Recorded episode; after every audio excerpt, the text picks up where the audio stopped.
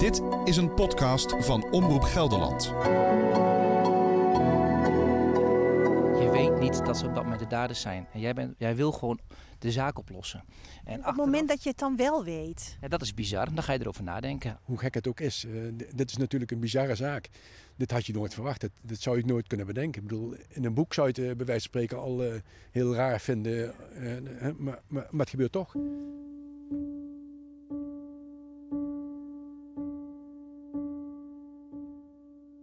Een vader die zijn zoon doorboort met een antiek zwaard. Een interview met een man waarvan ik voel dat het de moordenaar is. En dat blijkt later te kloppen. Een moeder die haar peuter met tape aan de verwarming vastplakt. Het zijn verhalen waar ik als journalist verslag van moet doen, maar slecht van slaap. De gruwelijkheid, het immense leed van die kinderen. Het kost me vaak weken om dat een beetje te vergeten. Maar er is één moord die mij al twintig jaar niet meer loslaat. Omdat ik dit verhaal ook al twintig jaar niet loslaat. De moord op Maya Braderic. Mijn naam is Annemieke Schakelaar en in de podcast Maya Braderic voor altijd 16 blik ik in deze aflevering met twee rechercheurs terug op de moord die ook op hun een enorme impact had.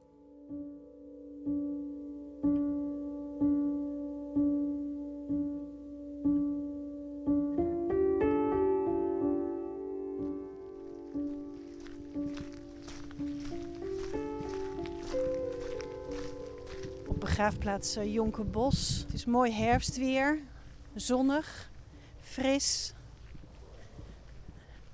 Er zijn mensen druk om eh, bloemetjes op graven te zetten. En ik loop hier eh, met eh, twee politiemensen in uniform. En we gaan weer even terug naar het graf. Best raar hè, om hier weer te zijn, denk ik. Ja, zeker. Jazeker. Het brengt weer allerlei herinneringen terug. Ja. Ja, absoluut. Nou, een straaljager. Eh, sorry, we kunnen hier erin.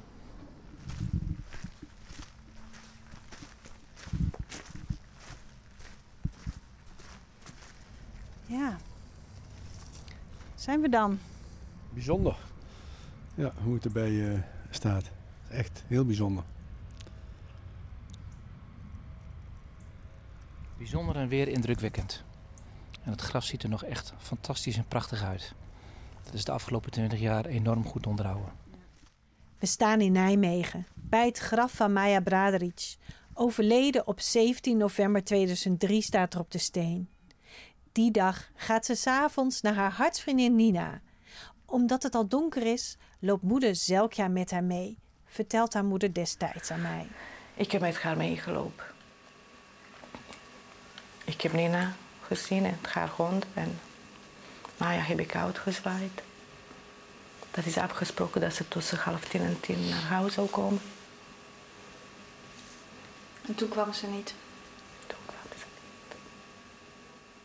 Robert Bouwmeester is dan nog maar net agent in Nijmegen als hij betrokken raakt bij de vermissing van Maya. Ik was toen net een, eh, een jaar, anderhalf jaar in dienst. Als eh, jonge diender was ik eh, gewoon een diender op straat. Alleen ik kende de wijk goed en ik werd die dinsdag eh, ermee eh, geconfronteerd dat er een, een, meisje vermist was. En uiteindelijk ben ik daarmee aan de slag gegaan. Hadden we snel door van, nou, eh, hier klopt iets niet. En uiteindelijk nou, heeft dat geresulteerd in het feit dat wij met de vermissing bezig waren. En ze in Belmel bezig waren met een, een vrouw die was aangetroffen. Want in Bemmel wordt de politie geconfronteerd met een brandend lichaam in haar uiterwaarden. Het lichaam van een jonge vrouw, vertelt de politie destijds. De vrouw is eh, gevonden ehm, door passanten die zich rond tien voor half eh, één ehm, op de plek eh, in het poldergebied tussen Lent en Bemmel ophielden. Die hebben de vrouw gevonden en die hebben direct de politie gebeld. En naar aanleiding daarvan is een recherche bijstandsteam eh, geformeerd. In dat team zit ook rechercheur Bas Zwartjes, met wie ik nu weer samen bij het graf sta. Ja, Bas, we horen ondertussen het geluid van de, de windmolentjes die bij het eh, graf staan. Ja, dan, dan zit je met de vermissing van zo'n meisje, de fonds van zo'n ja, verbrande jonge vrouw. Eén in één was twee. En dan? En dan zit je met eh, 20, 30 mensen zit je dan in een eh, ruimte en dan, eh, ja, dan is de eerste briefing. En dan hoor je eigenlijk wat er, wat er is gebeurd en wat er is aangetroffen.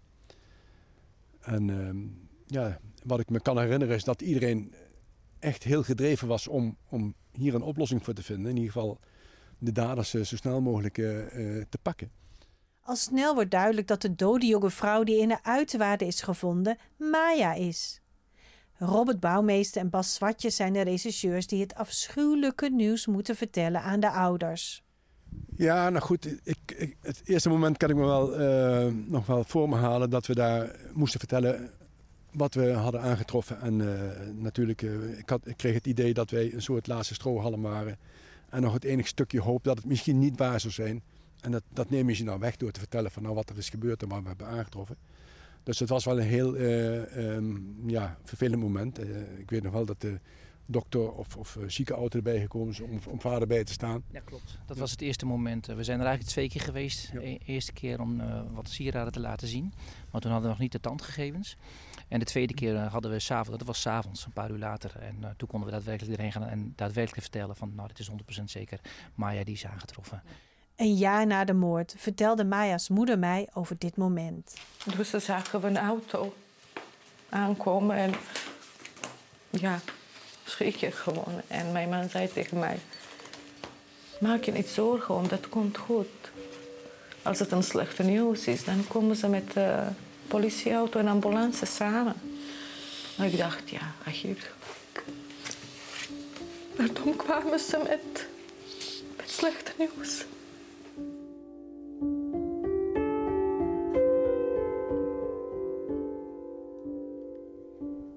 De 16-jarige Maya dacht die avond lekker te gaan toeren met drie goede vrienden. Eentje noemt ze haar broer, op een ander is ze verliefd. Maar de drie jongens hebben hele andere plannen. Plannen waar haar hartsvriendin Nina van op de hoogte is. In de auto legt de oudste Koran een touw om haar nek en begint haar te wurgen. Maya vecht voor haar leven. Ferdy legt zijn hand op haar neus en mond. Achterin zit de andere Koran en doet niets. Na een half uur is Maya dood. De jongens rijden daarna naar de uiterwaarde in Bemmel, waar ze haar lichaam in brand steken. Daarna doen ze alsof er niets aan de hand was en helpen de ongeruste ouders met het zoeken naar de vermiste Maya. De ouders worden ondertussen bijgestaan door de twee familieregisseurs, Robert en Bas. we waren ook echt 24 uur waren wij ook uh, ja, bereikbaar. En uh, ja, we zijn meerdere keren ook, ook eh, in, in, de onmogelijkste uren zijn we bij de familie geweest. Ja. Ja. Nou hadden jullie ook contact met um, destijds de vrienden van Maya. Met de jongens die later de dader bleken te zijn. Met Nina, de beste vriendin van Maya, die toch een, rol heeft gespeeld. Hoe was dat eerste contact als je nog helemaal niet weet wat erachter zit? Nou, op dat moment ben je heel erg bezig met uh, aan het onderzoeken van wat is hier nou aan de hand. Je voelt in je buik van er is iets meer aan de hand. Dus je gaat gewoon onderzoeken. Waar, waar voel je dat dan aan? Dat voel je aan hoe. Uh, nou, we zijn bijvoorbeeld naar een getuige gegaan. En die getuige die reageerde op een dusdanige wijze dat wij zoiets hadden van nou, hier klopt iets niet. Dat was een van de vriendinnen, hè? Dat was een van die vriendinnen, inderdaad, ja. Dus, uh, en uiteindelijk zijn we verder gaan onderzoeken. En zijn wij dus naar later bleken, de latere daders, want ik kan nu wel over daders spreken. Um, die hebben wij opgezocht omdat het vrienden waren van Maya. Dus wij wilden zoveel mogelijk informatie wilden wij hebben. En uiteindelijk hebben we die ook opgehaald bij een dansschool. Hebben twee van de daders achter in onze auto uh, gehad. Niet wetende op dat moment dat zij die moord hadden gepleegd. En zijn naar de andere dader, wat later bleek, gegaan. En zij hebben ons toen het huis aangewezen. Waar op dat moment um, ja, een jongen woonde. Waar Maya op dat moment interesse in had. Uh, en vervolgens hebben we die jongens ook weer netjes teruggebracht naar de dansschool. En hoe is het dan? Het is voor ons, niet-politiemensen, al zo ongelooflijk moeilijk te bevatten dat uh, die jongens en Nina, de vriendin, die eerste dagen gewoon nog die rol meegespeeld hebben van meezoeken naar Maya en daarna ook condoleren en verdriet toen bekend was dat ze overleden was. En dat ze achteraf de daders blijken te zijn. Hoe is dat voor jullie als professionals? Denk je dan achteraf ook niet van jeetje, ik had ze gewoon op mijn achterbank zitten? Um, ja, maar je bent professional. Dus je bent bezig met het onderzoek. En je weet niet dat ze op dat moment de daders zijn. En jij, bent, jij wil gewoon de zaak oplossen. En op het moment dat je het dan wel weet. Ja, dat is bizar. Dan ga je erover nadenken. Alleen op dat moment zaten wij nog zo enorm in het onderzoek. Um, ja, dat we op dat moment niet de tijd hadden. Je hoorde net Bas zeggen. We waren echt 24-7 bezig met het onderzoek. We hadden nog niet de tijd uh, om, om daar goed over na te denken. Wij wilden gewoon de daders pakken van deze verschrikkelijke moord. En daar ben je mee bezig. En niet zozeer met de mens, Robert Bouwmeester, hoe hij op dat moment met zijn gevoelens omgaat. Je bent op dat moment professional. je wordt bij het onderzoek betrokken. En eigenlijk heb ik de eerste uh, weken of eerste weken heb ik in een roes uh, geleefd. Ook omdat we 24-7 met de zaak bezig waren.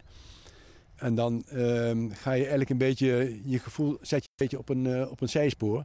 En dan ben je alleen eigenlijk bezig met, met, met het rechercheren en met het onderzoek en met de ouders en, en de school en de, de vrienden. En kijken om daar in ieder geval het contact goed te houden en het vertrouwen te houden. Op een gegeven moment werd dus duidelijk van uh, die jongens die jullie al op de achterbank hadden gehad en die vrienden die jullie al gezien hadden en ook de vriendin, die zijn de daders. Um, hoe ging het toen verder voor jullie, jullie rol als familierechercheur?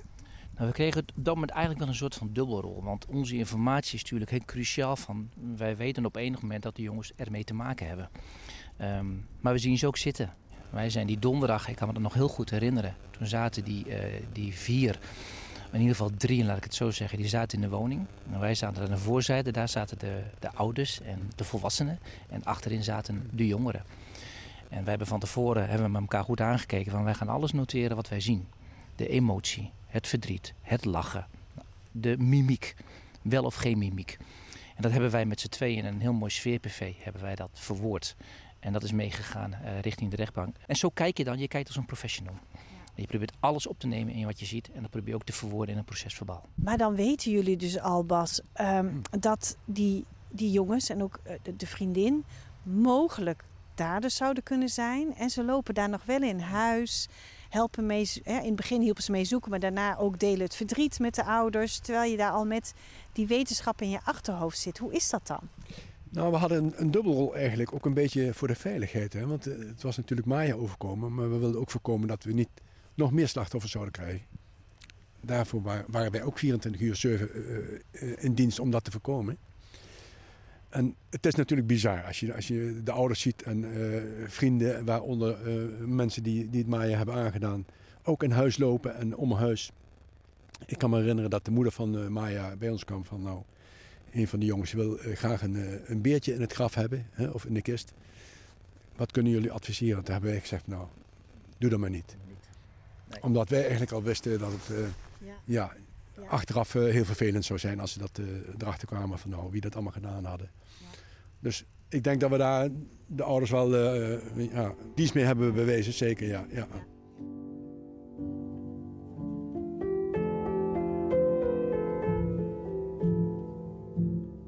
Nadat ze eerst gewoon meespelen en helpen zoeken naar Maya die vermist wordt, en daarna de ouders ook condoleren als duidelijk is dat Maya is overleden, worden na een paar dagen de drie vrienden waarmee Maya in de auto zat en vriendin Nina gearresteerd, vertelt een politiewoordvoerder toen. Het is uh, het gevolg van, van heel intensief onderzoek, wat we de laatste paar dagen aan het voeren zijn met een, een uitgebreid recherche-team. Dat overigens op dit moment is uitgebreid naar 35 personen in plaats van de 20 die we in eerste instantie bij elkaar hadden. Maar hoe we nou precies bij deze verdachten zijn uitgekomen, dat, uh, daar kan ik niks over vertellen. Regisseurs Robert en Bas hebben daaraan bijgedragen. Ja, ik denk wel dat we goed werk geleverd hebben. Ja, ja zeker. Het hele team. Waardoor er relatief snel duidelijkheid kwam. Dat klopt. Uh, die vrijdag zijn, uh, zijn ze eigenlijk allemaal al aangehouden. En uh, dat heeft ook te maken, wat Bas zei, van ja, we willen niet dat er eventueel nog meer slachtoffers komen. En uiteindelijk lag er op de vrijdag lag er voldoende grond om ze aan te houden. En eigenlijk is het die weekend daarna zijn de verklaringen al gekomen. En was het achteraf rechercheren. Aan de hand van verklaringen zijn we even gaan kijken van hé, hey, klopt dat dan? Nou ja, en dan klopt bepaalde dingen die kloppen. En dan zien we dat in beeldmateriaal. We treffen spullen aan in, in een vuilnisbak. En ja, dat is gewoon een, een, een bijzonder onderzoek om op deze wijze. Meestal rechercheer je vooraf. Nu werd het al snel duidelijk. Eh, konden we ze vrijdag aanhouden. En het weekend erop waren we al bezig met achteraf rechercheren. En dat maak je niet vaak mee. Eigenlijk de dader zal in de cel zitten en achteraf nog bezig bent met bewijs zoeken. Klopt. Op dat moment waren natuurlijk nog verdachten. En we wilden het van richting dader. En daar hadden we echt wel nog meer bewijs voor nodig. Want verklaring alleen, daar kom je er niet mee. En toen bleek dat dat onderbuikgevoel dat we in het begin al voelden, dat ja. dat dus klopte. Hè? Ja, en dat neem ik tot op de dag van vandaag neem ik dat mee. Wat volgt is een lange emotionele rechtszaak. Ik kan me nog zo goed herinneren dat ik daar zat op de pestribune en naar de ouders keek die al die gruwelijke details over die half uur durende doodstrijd van hun dochter moesten aanhoren. Tot ieders verbijstering konden de daders nooit een duidelijk motief geven voor de moord. Luister mee naar de voorzitter van het gerechtshof die een jaar na de moord uitspraak deed. Niet alleen hebben zij het lichaam van Maya weggevoerd, met benzine overgoten en in brand gestoken, waardoor het gruwelijk werd verminkt, maar vervolgens hebben zij zich ook naar de buitenwereld toe, tegenover zelfs de uiterst ongeruste ouders van Maya, gedragen alsof zij geen weet hadden van hun daad. Deze handelwijze getuigt naar het oordeel van het Hof van een onwaarschijnlijke koelbloedigheid en van een diepe minachting jegens het slachtoffer en haar familie. Door deze feiten hebben verdachten en zijn medeverdachten onvoorstelbaar en onherstelbaar leed aangericht bij de nabestaanden en de vrienden van het slachtoffer. Voor de ouders van Maya, die hun enig kind verloren hebben, is ook een jaar na de moord niet duidelijk waarom hun dochter heeft moeten sterven. Duidelijk is wel dat niets hun immense verdriet zal kunnen verzachten. Ook familierechercheurs Bas Zwartjes en Robert Bouwmeester volgden toen de rechtszittingen. Uh, dit is natuurlijk een bizarre zaak. Dit had je nooit verwacht. Dat, zou je nooit kunnen bedenken. Ik bedoel, in een boek zou je het uh, bij wijze van spreken al uh, heel raar vinden. Maar, maar, maar het gebeurt toch. Jullie zeiden allebei tegen mij van het is een zaak die veel impact op ons heeft gemaakt. Ja, omdat het een, een, een jong slachtoffer is en eigenlijk een, uh, ja, een, een, daad die eigenlijk niet te, te, herleiden was naar iets. Dat je geen logische, vervolg, logische aanleiding van, van, van waarom. Iedere ouder wil, wil weten waarom. Uh, Robert Bouwmeester, u zei toen we elkaar aan de telefoon spraken... ik kan me alles van deze zaak nog herinneren. Hoe komt dat? Um, allereerst omdat het mijn eerste zaak was. Uh, ik ben er volledig ingestort als uh, onervaren, toen nog regisseur. En uiteindelijk heb ik wel een carrière gekregen in de recherche, dus daar is mijn interesse vandaan gekomen. Ten tweede de gruwelijkheid van de zaak. Ten derde, uh, het gaat om een familie die uit Joegoslavië vanwege de oorlog een veilig oord zoekt. dan komen ze hier in Nederland en dan gaat zo'n meisje gaat richting het Atheneum. Is een hele slimme meid. Heeft een leuke vriendenkring, daar is wat wrijvel in en dan wordt ze hier vermoord. En dat is waarom uh, destijds zoveel indruk op mij gemaakt heeft. En dat ik eigenlijk nog bijna tot op de dag van vandaag alles weet. En hoe verwerk je zoiets dan? Um, maar je gaat weer door. Uh, dat is wel zo. Uh, ik heb een legerachtergrond, dat had ik tegen u al gezegd. Heb ik ook het nodige meegemaakt. Dus ik kan voor mezelf zeggen dat ik het dan allemaal wel een plek kan geven. Ik ben hier nog een jaar na, ook om het af te sluiten. Een jaar nadat het gebeurd is ben ik hier nog geweest. Uh, toen heb ik het toch gewoon echt afgesloten. Uh, we zijn toen nog één keer nog bij de ouders geweest. En ja, dan gaat het leven ook weer door. En hoe vervelend dat ook klinkt. En dan komt er weer een nieuwe zaak. En die is ook gruwelijk. Maar weer, wellicht op een andere manier. En zo ga je ermee om. Nou hebben jullie net uh, op de parkeerplaats, hè, hebben jullie mevrouw Bradric weer eventjes ontmoet. Dat was, nou ja, heel lang geleden dat jullie elkaar gezien hebben. De tranen kwamen ook meteen weer bij haar. Hoe was dat dan om om haar weer even terug te zien? Uh, ik vond het heel fijn. En je ziet na 20 jaar, het is van mij 19 jaar geleden dat ik haar gezien heb. Je zag de omhelzing die je nog met elkaar deed. En dat was ook niet van een uh, aarzelend handje. Het was gewoon een hele dikke omhelzing. Uh, en dat doet ook wat met mij uiteraard. ik ga er niet in tranen uitbarsten. Ik vind dat niet het moment om dat te doen. Maar ik word er wel emotioneel van, zeker. maar daarna moet ik ook weer door. En dat is ook voor ons en voor mij de manier om dit soort gruwelijke zaken te verwerken. En Bas Zwartjes, hoe was het voor u? Nou, ik vind het fijn dat, we, uh, dat ik merk dat we toen iets voor haar hebben kunnen betekenen. En voor, uh, voor haar man. En voor de familie en vrienden. En uh, ja, het was toch wel weer een herkenning van, nou, god, ja, ik wil niet zeggen als de dag van gisteren, maar je, je herkent elkaar toch wel in een ja, gevoel of wat dan ook. Hè? Dus ik ben blij daar, dat ik haar heb mogen zien weer. Ja. ja.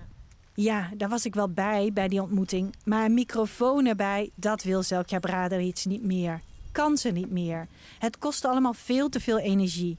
Energie die ze liever besteedt aan het schoonmaken van het graf van haar dochter... voordat ik daar naartoe loop met de twee rechercheurs. en dan staan jullie hier na, nou ja, na twintig jaar weer uh, bij dat graf. En ook binnen het korps is volgens mij deze naam die hier op de grafsteen staat... een naam die altijd meteen een belletje doet rinkelen. Hè? Ja. Iedereen uh, die kent uh, de zaak. Dat klinkt een beetje klinisch, maar zo is het dan. Maya Bradric. Op het moment dat ik dit vertel, weet iedereen wat ik ga doen, wat ik mee heb gemaakt en waar ik het over ga hebben. Um, dus ja, iedereen binnen de politie, en zeker in Gelderland Zuid en Gelderland Midden, waar het uh, heeft plaatsgevonden, die kennen deze zaak. En het is niet voor niks dat Jan-Peter Balkenende het de zaak van 2003 heeft genoemd. Ja, het is, het is eigenlijk net zoals uh, toen. Er is niet heel veel, ja, er zijn wat, wat uh, spulletjes bijgezet, maar het, het graf ligt er nog steeds hetzelfde bij als toen. En, Verse bloemen, heel ja. veel engeltjesbeelden en een foto erop. Ja, ja, ik zie dat er veel aandacht aan besteed wordt. En dat is mooi om te zien. Onderhouden. Ja. Alsof het net, uh, er nog maar net ligt, hè? Zo, zo glanst je tegemoet met al die verse bloemen. Als ik het vergelijk met andere graven in de buurt, dan ziet het echt wel heel erg uh, glimmend en netjes en mooi uit. En zeer goed onderhouden. Bas Zwartjes, uh, hoe lang is het geleden dat u hier voor het laatst was bij dit graf? Nou, het feit is 20 jaar terug, maar ik kan me herinneren dat ik, ook omdat ik toen een beetje in een roes het onderzoek heb meegemaakt, dat ik daarna nog wel eens een keer hier uh, ben langsgekomen. En ik bij het graf ben geweest. En met wat voor gevoel stond u daar toen? Ja, nou gewoon ook een beetje uh, om het uh, tot mezelf te laten komen. Gewoon even te laten bezinken van wat het allemaal geweest is en wat het voor die ouders betekent. En ja, gewoon even een plaats geven in je, in je, in je gedachten van ja, hoe het allemaal gegaan was eigenlijk. Ja. ja. En met wat voor gevoel staat u hier nu weer?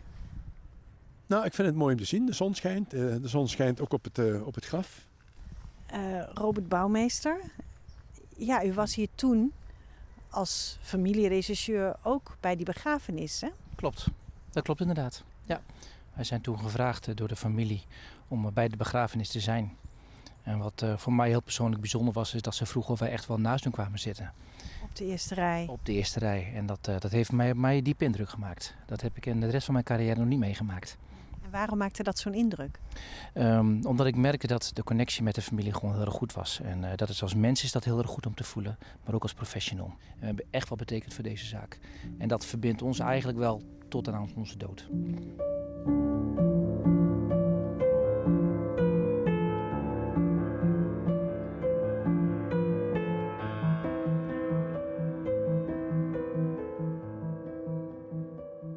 De volgende aflevering van Maya voor altijd 16 vertel ik, Annemieke Schakelaar, hoe het met de schoolvriendinnen van Maya gaat en praat ik met oud-docenten. Ik had niet kunnen bedenken dat ook een vriendin van haar, die bij ons op school zat, daarbij betrokken zou kunnen zijn. En ik weet, werd door de buurman van Maya's ouders, die haalde me tijdens zo'n herdenkingsbijeenkomst, riep hij en zei, er is ook eentje van jou bij betrokken. Nou, ik dacht dat ik door de grond zakte. Ik dacht, hoe kan dat nou?